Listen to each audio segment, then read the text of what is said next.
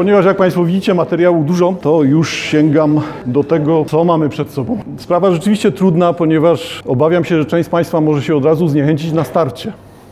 Jak ktoś się orientuje w tej literaturze, to może się zniechęcić już po przeczytaniu tych tytułów. No ja jednak nie jestem tutaj dokumentalistą, tak? To nie chodzi o analizę źródeł w sensie historycznym, tylko interesuje mnie to, na czym polega przekształcenie źródeł historycznych w literaturę piękną. Takie mocne uproszczenie jest, e, ale na czym polega ta różnica? W jaki sposób czytać książkę, myśląc o tym, czy ona jest literacka, czy ta książka jest historyczna.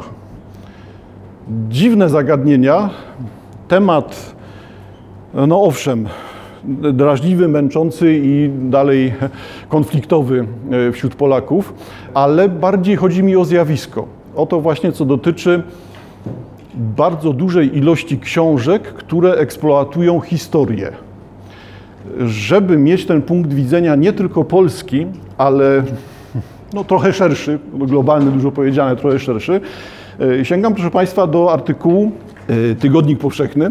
Tygodnik Powszechny z 15 sierpnia, numer 33 tegoroczny, czyli 21 rok. I mamy tutaj artykuł zatytułowany Literatura na skrzyżowaniu, artykuł poświęcony literaturze włoskiej. I na cóż trafiamy od razu w tym artykule?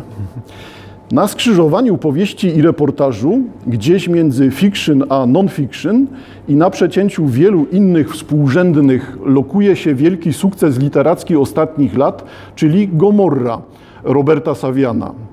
Rzecz jasna, Włochy znają przypadki udanych spotkań dziennikarstwa i literatury. Od Malapartego przez Oriane Fallaci, e, aż po Tiziana Terzaniego. E, ale tworzący już po doświadczeniach postmodernistycznych Saviano dokonuje, jak to określił krytyk Rafael Dannarumma, radykalnego kroku. I to jest już cytat z tego krytyka. O ile postmoderniści grali z fikcją, odsyłając rzeczywistość w krainę cieni i fałszywych mitów, Saviano działa na poważnie, wykorzystuje instrumentalnie fikcję, bo to pozwala rzeczywistości wejść głęboko do świadomości i pod jej próg. Na tym polega skandal. Odrzuca się autonomię estetyczną i poddaje literaturę celom praktycznym, etycznym i obywatelskim. No, dyskusja znowu stara jak świat. Czy literatura ma wychowywać, czy nie ma wychowywać? Czy literatura powinna być praktyczna, etyczna, obywatelska, czyli wychowywać, tak, oddziaływać na czytelnika, czy powinna mieć autonomię estetyczną, czyli być traktowana jako dzieło sztuki na ile literatura jest samodzielnym dziełem sztuki, wszystko jedno, o czym jest ta literatura, to tak naprawdę nie ma znaczenia, bo liczy się ta autonomiczność dzieła sztuki, e, a na ile literatura musi być związana z tematyką bieżącą. I już tu pojawia się problem no, w postaci tego rozjazdu. Na ile Gomorra, tekst o wszystkich tych mafijnych włoskich układach, powiązaniach czy o specyfice istnienia e, mafii we Włoszech, e, na ile jest to literatura, a na ile to jest dziennikarska, merytoryczna robota, zbieranie faktów, pokazywanie rzeczywistych wydarzeń, weryfikacja tych faktów, czyli mamy do czynienia z dokumentem. Że mafia we Włoszech jest, to wiemy, ale teraz czy można Gomorę traktować jako źródło dla historyka, czy jest to typowa literatura piękna. Jako przykład tej dyskusji zacytowano tutaj e, początek książki Gomorra, czy fragment z pierwszego rozdziału. Kontener kołysał się w powietrzu, zawieszony wysoko na żurawiu, który przenosił go na statek. Spreader, urządzenie sprzęgające zaczepy skrzyni z dźwigiem, nie był w stanie zamortyzować wahadłowego ruchu. Niedokładnie zamknięte drzwi otworzyły się i z kontenera zaczęły się sypać dziesiątki ciał. Wyglądały jak manekiny, ale przy uderzeniu o beton głowy rozbijały się jak ludzkie czaszki. To były ludzkie czaszki.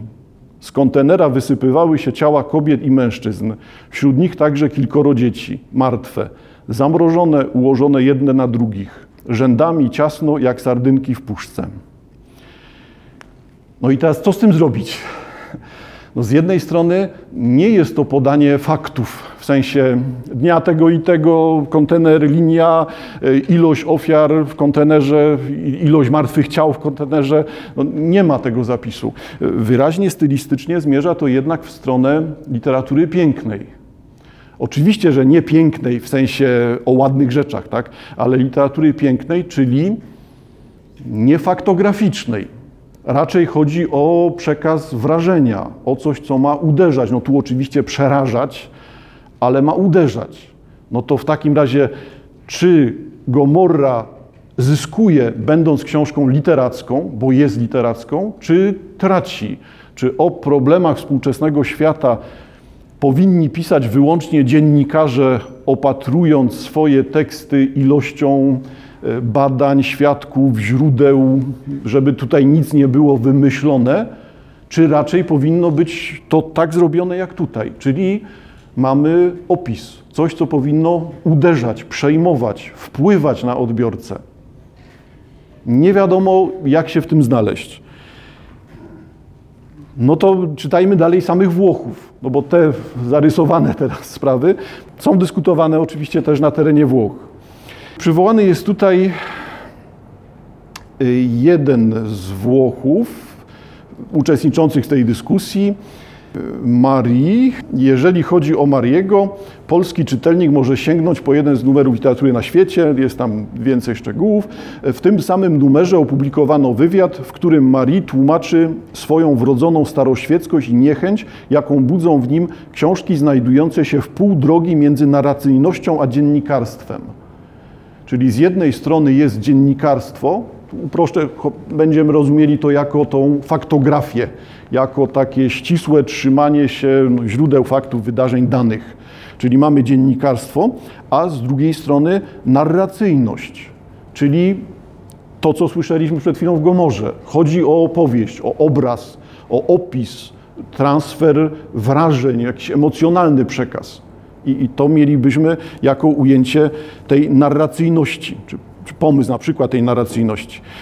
No ale Marii tłumaczy swoją wrodzoną staroświeckość i niechęć, jaką budzą w nim te książki. Książki, które są pomiędzy. Pomiędzy robotą dziennikarstwa, a literaturą piękną, no, tą, tą narracyjnością. Książki te są antyliterackie, zdanie Mariego, antyliterackie niezależnie od tego, że mogą być świetne i dobrze napisane. Nie potrafię sobie wyobrazić literatury bez literackości dodaje Marii, bez silnego poczucia tradycji, tej tradycji, która nie musi koniecznie równać się erudycji, ale która chętnie sięga do książek przygodowych, horrorów, kryminałów. No to co z tym teraz zrobić? No jeżeli nie jest to jeszcze takie oczywiste, no to mamy przykład wypowiedzi komentującej sukces książek typu Sięgam do tej chyba najbardziej popularnej, ale chyba wszystko jedno, która to będzie. Tatuażysta z Auschwitz. Heather Morris, tatuażysta z Auschwitz. Teraz mamy przykłady książek, które teraz są na górach list sprzedaży. Po to ludzie sięgają, chcą to czytać. Nie? Więc tatuażysta z Auschwitz. John Donahue, Auschwitz, szachy ze śmiercią. Antonio Iturbe, bibliotekarka z Auschwitz.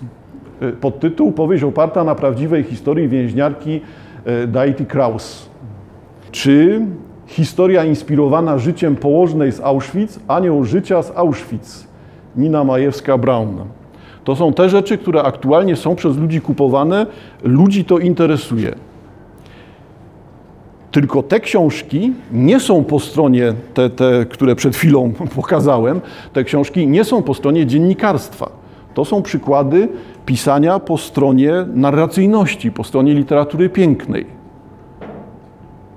I co się w takim razie dzieje? No, no niestety dzieje się moim zdaniem coś dziwnego, ponieważ to, co jest faktem, problemem, czymś autentycznym, czymś, z czym trzeba się samodzielnie uporać, poradzić sobie z tym, wpisane jest w narrację typową dla literatury pięknej, czyli czytelnik czytając książkę Tatuażysta z Auschwitz jest przekonany jednak o fikcyjności tej książki.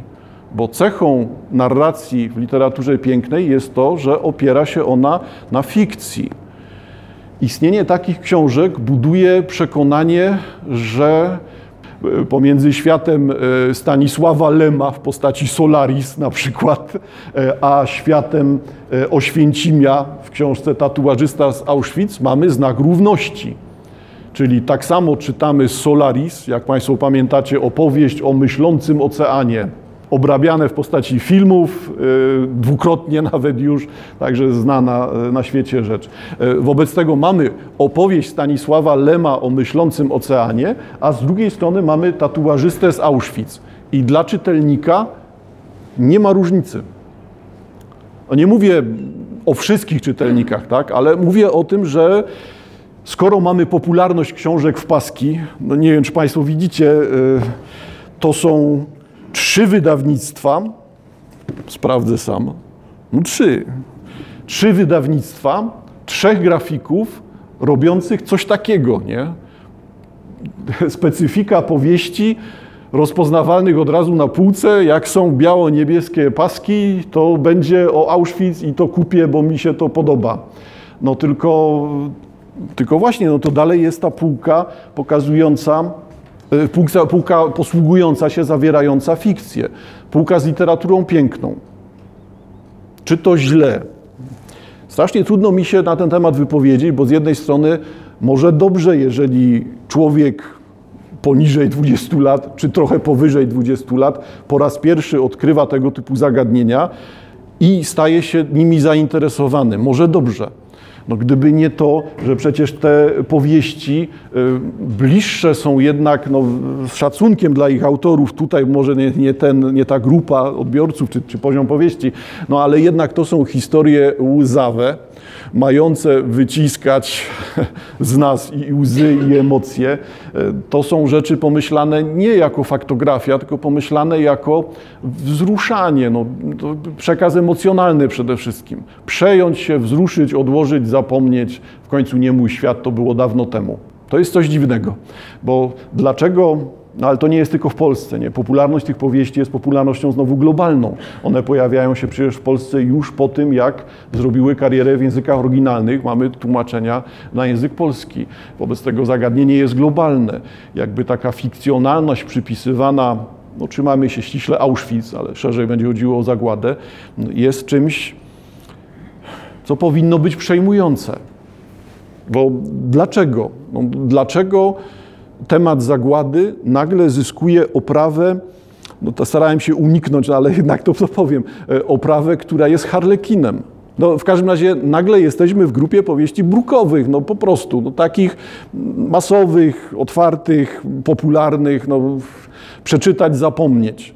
No i nagle y, temat poważny no, staje się tematem, który jest wpisywany w kategorię fikcji literackiej. Czytelnik, który nie potrafi odsiać w tych powieściach, których pokazałem okładki, e, nie potrafi odsiać fikcji od faktów, nie potrafi zrozumieć tutaj jakiegoś modelu, e, nagle zostaje tylko uwiedziony tą opowieścią, że źle było, dobrze było, jedni byli sadystami, a inni z kolei ofiarnie pomagali, jedni e, ryzykowali życie, a drudzy rzeczywiście to życie tracili w wyniku pomocy innym ludziom, ale staje się to wszystko opowieścią, takim Hollywoodem, no, czy, czy, no może Bollywoodem za dużo powiedziane, tak, bo nie tańczą w końcu. E, no ale jakby w, jesteśmy w kręgu kultury popularnej.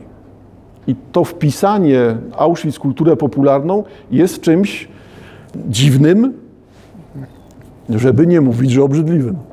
No ale dziwnym na pewno, tak, no, niepokojącym. Co proponuję jako przejście pokazujące sam problem? Rzeczywiście, jak Państwo wiecie, postać Jana Tomasza Grossa jest przez Polaków traktowana różnie. Na zasadzie wypisuje takie historie, którymi się nie zgadzamy. Albo jako pierwszy opisuje historie, na które nie zwracaliśmy uwagi. No cóż, ale wiecie Państwo, no, no jednak różnica jest. Patrząc na Jana Tomasza Grossa, jest to historyk. Oczywiście, że historyk, który może nam nie pasować ale historyk to nie są powieści tego typu, jak wycisnąć wzruszającą opowieść pasias, pasiastą, tak, żeby znowu te pasiaki oświęcimskie się pojawiały. Modelem wyjścia tej faktografii, troszkę dziennikarskiej roboty, trochę nie, jest Gross, jako pierwszy piszący w Polsce o tych drażliwych sprawach. Proszę pamiętać, że w Polsce, tak, to, to nie jest jakieś wielkie odkrycie światowe. Tematy są oczywiście znane też i wcześniej, jakby przez wszystkich też zrozumiałe. E, popularna, hmm, popularna w sensie bardzo często omawiana, bo czy popularna w sensie często czytana, ja się zawsze obawiam takich rzeczy. No ale znana książka Jana Tomasza Grossa, e, Złote żniwa rzecz o tym, co się działo na obrzeżach zagłady Żydów. Mamy do czynienia w tym momencie z pracą historyka, więc będzie to esej oparty na źródłach. Wszystkie informacje są tutaj omawiane w przypisach, pojawiają się w bibliografii. Możemy mówić, że nie zgadzamy się z interpretacją czegoś, bo to jest praca historyka, ale trudno też nie zgadzać się ze źródłami, no bo musielibyśmy przyjąć, że te źródła wszystkie są fikcyjne, a nie za bardzo da się przyjąć taki pogląd. Więc możemy się nie zgodzić z Grossem w jego czarnej wizji, możemy pokazać, że jednak było też inaczej, ale pamiętając o tym, że to jest ta, ta czarna, było, nie było, mówię, patrzę teraz na, na okładkę czarną z lekką czerwienią. Wobec tego, patrząc na taką wizję historii, możemy dyskutować z interpretacją, ale za bardzo nie da się dyskutować ze źródłami, bo one są. E, czemu zwracam na to uwagę? Może też dlatego, żeby się w jakiś sposób od tego uwolnić samemu, ale z drugiej strony rozumiem dalej ten brak, bo wiecie Państwo, dla mnie jednak no, przerażającą rzeczą jest to, że ludzie Polsce współcześnie żyjący nie są w stanie uznać takich oczywistości, nie? że skoro ziemia należała do Żyda i skoro e, Żyda Żydów, skoro kamienica, mieszkanie, co tam chcemy, należało do Żyda, no to są, jeżeli nie on, bo trzeba długo żyć, jesteśmy kawał czasu po wojnie, no ale są jego dzieci, są jego wnuki, no to albo uznajemy, że nie ma prawa własności, nastąpiła nacjonalizacja, no to teraz jak, gdzie, po co, kto to wymyślił, e, albo jednak uznajemy, że ktoś ma do czegoś prawo. No i niestety dla mnie, rzecz jasna, nie jestem historykiem, jestem tutaj obserwatorem, czytelnikiem, e, dla mnie to zderzenie z tym, że przecież miasta w większej bądź mniejszej części budowane przez Żydów i to czasem są miasta takie jak Rzeszów, czyli Mojżeszów, ze względu na przewagę ludności żydowskiej w tym mieście. E, są takie miasta, jak tutaj ostatnia wpisana książka Rafała e, Hetmana Izbica, gdzie e, na 4000 Żydów mamy 200 Polaków. No, no, to, no to co? To teraz te miasta dalej są. No, to, co się stało. No, niestety problem, zdaje się, jest bardzo prosty. Duża część tej zabudowy, duża część tego majątku do dzisiaj niepokoi ludzi, bo jeszcze ktoś przyjdzie i mi to odbierze. Czy, czy motorem takiej reakcji na książki Grossa na przykład nie jest właśnie ta obawa, że, że mi to odbiorą, bo, nie, bo ja się uprę, tak, to jest moje, to dziadek kupił od tego Żyda. Nie, umowy nie ma, świadków nie ma, nic nie ma, a on to kupił. Tak, no, temat jest tak naprawdę bardzo mocno już eksploatowany od kilkunastu, kilkudziesięciu lat w Polsce. Przykładem jest na przykład ten film, przykładem na przykład, trudno. Przykładem może być Pokłosie. Jak Państwo pamiętacie ten film, no to jest ta reakcja, ponieważ to wszystko jest oparte na de facto grabieży, wszystko jedno, czy grabieży połączonej z morderstwem, czy grabieży popomordowanych, E, no to my się do tego nie chcemy przyznać, wypieramy to i zaczyna być to coraz głębszym problemem. Albo inaczej, sprawa jest już tak głęboko w nas, że przestajemy ją zauważać, ale jest tym rakiem. No dalej jest czymś, co męczy. Skoro można oddawać majątek dowolnie, bo tak to wygląda w aktualnym stanie prawnym, jak tam sobie wymyślą, to ten majątek oddadzą, e, no to dlaczego tutaj nie przyjąć nawet nie tej zasady oddawania majątku? Bo ja rozumiem wszystkie wątpliwości, że powracający Żyd, który nagle ma 130 lat i składa pismo u prawnika o odzyskanie majątku, no jest to sytuacja nietypowa. No ale, ale znowu to jest margines, tak? Nawet potwierdzenie tej niepewności nie chodzi o to, że szukamy morderców w Polsce, tylko potwierdzenie tej niepewności, potwierdzenie tej pustej przestrzeni, tego miejsca, które dawniej wypełnione było Żydami, a dzisiaj jest wypełnione brakiem, niejasnością, dziwnym podejrzeniem. To dopuszczenie takiej opowieści do głosu już by było rzeczą dużą. No, a tymczasem mamy to samo, tak? Tomasz Gross kłamie nie? i koniec tematu. No, możemy mówić właśnie, że Tomasz Gross jest zbyt pesymistyczny, że może jednak przypadków lepszych Polaków było więcej niż Gross podaje. E, no ale jednak sięganie przez Grossa do źródeł, trudno się z tym dyskutuje. E, Gross od czego rozpoczyna? Złote żniwa to książka o chciwości, o grabieży, o mordach i o żydowskim cierpieniu. Rzecz dzieje się niejako na obrzeżach zagłady, tam gdzie żydowscy rozbitkowie, rozpaczliwie poszukujący ratunku, stykali się z miejscową ludnością. I na tym właśnie obszarze dochodziło do strasznych zbrodni. No to są te takie legendarne sytuacje, tak? Wraca Żyd po II wojnie i słyszy od swoich sąsiadów i po coś ty wracał, nie? A następnego dnia znajdują już zwłoki. I może to przypadek, a może jednak rozwiązanie problemu, że w tym mieszkaniu już mieszka ktoś inny. I to jest już źródło, które, znaczy źródło, powiedzmy, sytuacja, w której powinien występować prokurator i powinien sprawdzać tego typu rzeczy. Ale częstotliwość takich sytuacji jest tak duża, że nie za bardzo da się z tym dyskutować. Cała historia, która tutaj jest opisywana, wynika z jednego zdjęcia. Zdjęcia, które ono jest i tak nieostre, wobec tego tylko opowiem o co chodzi. Zdjęcia, na którym widzimy najwyraźniej grupę ludzi w strojach wiejskich z narzędziami pracy motyka, motyka e, szpadel, zatrzymanych przez jakichś umundurowanych ludzi, więc zapewne jakąś milicję. I jak się dokładnie przyjrzymy, to przed tą grupą ludzi leżą poukładane czaszki i kości. Tytułowe Złote Żniwa, no odsyłam zainteresowanych do całej książki, tak, bo nie, nie mogę jej teraz czytać strona po stronie. To analiza sytuacji takiej, jaką widzimy na tym zdjęciu, czyli na ile często i, na, i w jakiej ilości miejsc w Polsce sytuacja rozkopywania masowych grobów wypełnionych ciałami Żydów miała miejsce. Tutaj opisywanych jest tych przypadków przez Grossa kilkanaście, wzmiankuje się o kilkudziesięciu, zapewne jest tego więcej. Do tematu za chwilkę jeszcze będę sięgał. Czyli złote żniwa polegające na tym, że ludzie, tak jak opuszcza ich ziemię front, wiedzą, gdzie znajdują się masowe mogiły, e, mogiły i idą tam wykopywać ciała po to, żeby no pamiętajcie Państwo, że to jest bardzo często krótki okres po zakopaniu tych ciał. No wobec tego prowadzą sekcje tych ciał, patroszą te ciała i szukają we wnętrznościach kosztowności.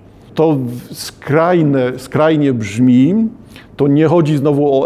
Najmniej jest takich epatujących fragmentów tutaj. Tutaj bardziej przerażające jest to, gdy mowa jest o poziomie zysku. I to Gross robi bardzo dokładnie. Pokazuje, jakie zyski osiągane są przez tych ludzi z takich wykopków. No to są te zyski, no złote żniwa. Lepiej jest kopać w grobach i znajdować zegarek, pierścionek, złote dolary czy inne złote monety y, i na tej zasadzie budować sobie domy, kupować zwierzynę i budować pozycje dla swoich dzieci y, niż zajmować się pracą. Tak? I tym niemniej samo zdjęcie jest tutaj punktem wyjścia. Gdy przyjmuj, jak przyjmiemy, że porządkuje tą książkę po prostu ilość rozdziałów, no to w samej e, tytuły podrozdziałów no to w samych tych tytułach widzimy jakby model pracy, model pracy, przebieg sposobu analizy zagadnienia e, przez Tomasza Grossa. O tym, że przejmowanie własności żydowskiej miało wielu zwolenników. To pokazuje jakby zakres zagadnienia, że to nie są jednostkowe przypadki dziwnych, chorych ludzi, którzy są odporni na to, co robią. Tak, nie myślą o tym, co robią. E, zdjęcia i dokumentacja zagłady to jest już analiza źródeł. Co działo się na terenie obozów zagłady zaraz po wojnie. I to jest ten moment, w którym widać, że, e, że to nie jest tylko Auschwitz na przykład, tylko wszędzie, gdzie wokół obozów zakłady likwidowanych wcześniej przez Niemców znajdowały się masowe groby, no to wszędzie tam teren w ciągu kilkunastu miesięcy, kilkudziesięciu miesięcy po II wojnie światowej zamienia się w teren księżycowy. Składa to się tylko z dołów bo nikt nie zakopuje tych dołów po wykopaniu ciał. Po prostu po przekopaniu się przez te zwłoki, one tak zostają do momentu, dopóki te y, doły się same nie zapadają. Tak? Próba normalizacji, gospodarność jako reakcja. Znaczy, dlaczego to robią? Bo są gospodarni ci ludzie z okolicy. Nie, nie ogrodzą terenu masowych grobów, tylko wykorzystują go do celów gospodarczych eksploatacja osobów zagłady przez okoliczną ludność podczas wojny. Bo tutaj nie chodzi Grossowi tylko o opisywanie tego, co dzieje się po 1945, tylko zwrócenie uwagi na to, w jaki sposób można się dorobić na albo sprzedaży chleba więźniom, albo wody więźniom, albo sprzedaży obietnicy. Bo niestety bardzo często wygląda to też tak. Ty nam teraz zapłać, a my ci może przyniesiemy wodę i jedzenie co raz jest robione, raz nie. nie. I to są te skrajne przypadki, kiedy ktoś za kilogram chleba oferuje więcej niż kilo złota. No bo dla niego to będzie przetrwanie, wobec tego nie ma, nie ma ceny nie, na przeżycie, a dorabia się na tym cała okolica, nawet jeżeli ryzykują życiem. Drażliwe tematy, nie chciałbym, żebyście Państwo jakby zwrócili uwagę, na, zapamiętali, że chodzi tutaj tylko o jakiś margines. Chodzi o to, co, no tego nie ma u Grossa, o to, co widać do dzisiejszego dnia. Te tereny po wykopaliskach dalej są terenami niechronionymi, czy anonimowe, niekoniecznie, oznaczone, tak, ale oznaczone w postaci obelisk, tu znajdują się masowe mogiły, nie? I nikt nie, nie mówi, y, ile metrów albo ile kilometrów terenu jest zajęte przez te masowe mogiły i co się z nimi działo do tego momentu upamiętnienia. No, wolałbym nie wyciągać wniosku z Grossa takiego, że jego, że zapisy e, Tomasza Grossa skłoniły być może część ludzi do powrotu do tych pierwotnych powojennych zajęć, e, ale wyroki związane z, związane z grzebaniem w mogiłach E, to nie są wyroki z lat 40., to są wyroki z lat 70. To, to nie jest zagadnienie, które dotyczy ściśle tego, jeden front wyszedł, drugi nie przyszedł, a w tym czasie dzieje się coś całkowicie nieludzkiego i bezprawnego. Tylko mowa jest dalej o tym, że do dzisiejszego dnia wszyscy wiedzą, kto się dorobił na wykopanym złocie. Ale mamy do czynienia jeszcze raz z przykładem pracy historyka. Żeby sięgnąć do takiego przykładu pracy historyka. Gross przywołuje biuletyn informacyjny, wydanie obejmujące tereny Warszawy z 13 listopada 1942 roku. Czyli to nie jest coś zdystansowanego, tak? to nie jest opowieść Grossa. To jest właśnie analiza źródeł robiona przez historyka. No i mamy artykuł 1942 roku. Z różnej miejscowości, a właściwie z wszystkich, w których rozgrywały się zwierzęce mordy Żydów, donoszą, że rabowaniu mienia zabijanych przez Niemców ofiar brali udział nie tylko hitlerowcy, ale również ludność polska. Okazuje się, że nierzadko w tych kryminalnych popisach biorą udział stateczni mieszczanie, poważni gospodarze wiejscy. W kilku wypadkach dochodziło do bujek pomiędzy stojącymi w ogonku zwierzętami w ludzkich ciele, które oczekiwały na swoją kolejkę, aż nieszczęśni Żydzi zostaną zamordowani, żeby z ciepłych jeszcze ofiar zedrzeć odzież i bieliznę. Kilku wypadkach przerwano kordon siepaczy hitlerowskich, nie mogąc się doczekać egzekucji i rozbierano przeznaczonych na śmierć, wyrywając sobie nawzajem poszczególne części odzienia. W innym źródle mamy zapis Polaków stojących w kolejce, e, żeby mieć prawo wyrwania e, złotych zębów osobom przed powieszeniem. I tak dalej. No wyciągam takie rzeczy, które są naprawdę jakby sygnalne tylko, bo jakby nie jest moim celem tutaj opowiadanie o zagładzie, szczególnie o tej zagładzie, w której tak mocno zaangażowani są Polacy jako strona współsprawcza, czynna, aktywna. No, możemy nazwać to jak chcemy. No, ni niestety tak się poskładało, że jeszcze dopowiem, Gross też niewiele o tym wspomina, dopowiem, że ta sytuacja zagłady Żydów na ziemiach polskich wynika przecież z tej bardzo potężnej propagandy narodowej demokracji endeckiej przed 1939 rokiem. Z tego, co Państwo możecie kojarzyć teraz pewnie z filmów czy powieści, to się pojawia zresztą w tych polskich ujęciach filmowo-książkowych bardzo delikatnie, tam getto ławkowe, że tam nie wolno Żydom siadać w tych rzędach, mogą wsiadać w innym. Nie? Rzadko się mówi o tym, jak to było realizowane, no, kijami, a, a nie tym, że tu nie wolno ci siadać i sobie usiąść wyżej. No, ale mamy tą sytuację, kiedy ta antysemicka propaganda istniejąca przed 1939 rokiem ostatecznie doprowadziła do tego, o czym już pisze Gross, czyli do, znowu pisze o tym historyk, do tego, w jaki sposób Żydów usunięto z ludzkości.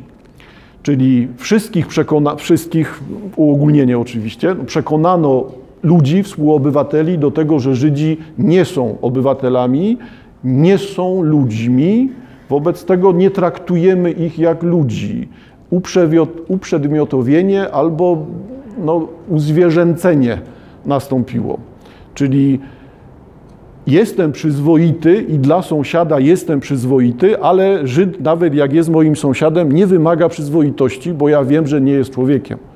I, i tutaj te działania wieloletnie poprzedzające II wojnę doprowadziły też do tego, że nie rozkopywali przecież Polacy grobów Polaków na katolickim cmentarzu ale nie mieli oporu z tym, żeby masowo wszędzie, gdzie była taka możliwość, prowadzić te wykopaliska i złoto ze zwłok uzyskiwać. W ten sposób jest to zrobione u Grossa. Gross wyciąga listy, sprawozdania, materiały procesowe często i robi to w oparciu o źródła. Nie pisze, mi się wydaje, ja sądzę, że tak było, tylko bierze to na tej zasadzie, tu mamy sprawozdanie, tu jest analiza, tutaj ktoś to napisał w pamiętnikach na bieżąco, że to się wczoraj wydarzyło, w kilku pamiętnikach z tego regionu mamy to samo. Typowa robota historyka, po prostu grzebanie w źródłach no, przerażające, jeżeli wyjmiemy sobie same te elementy jakby grozy, która się tutaj rozgrywa.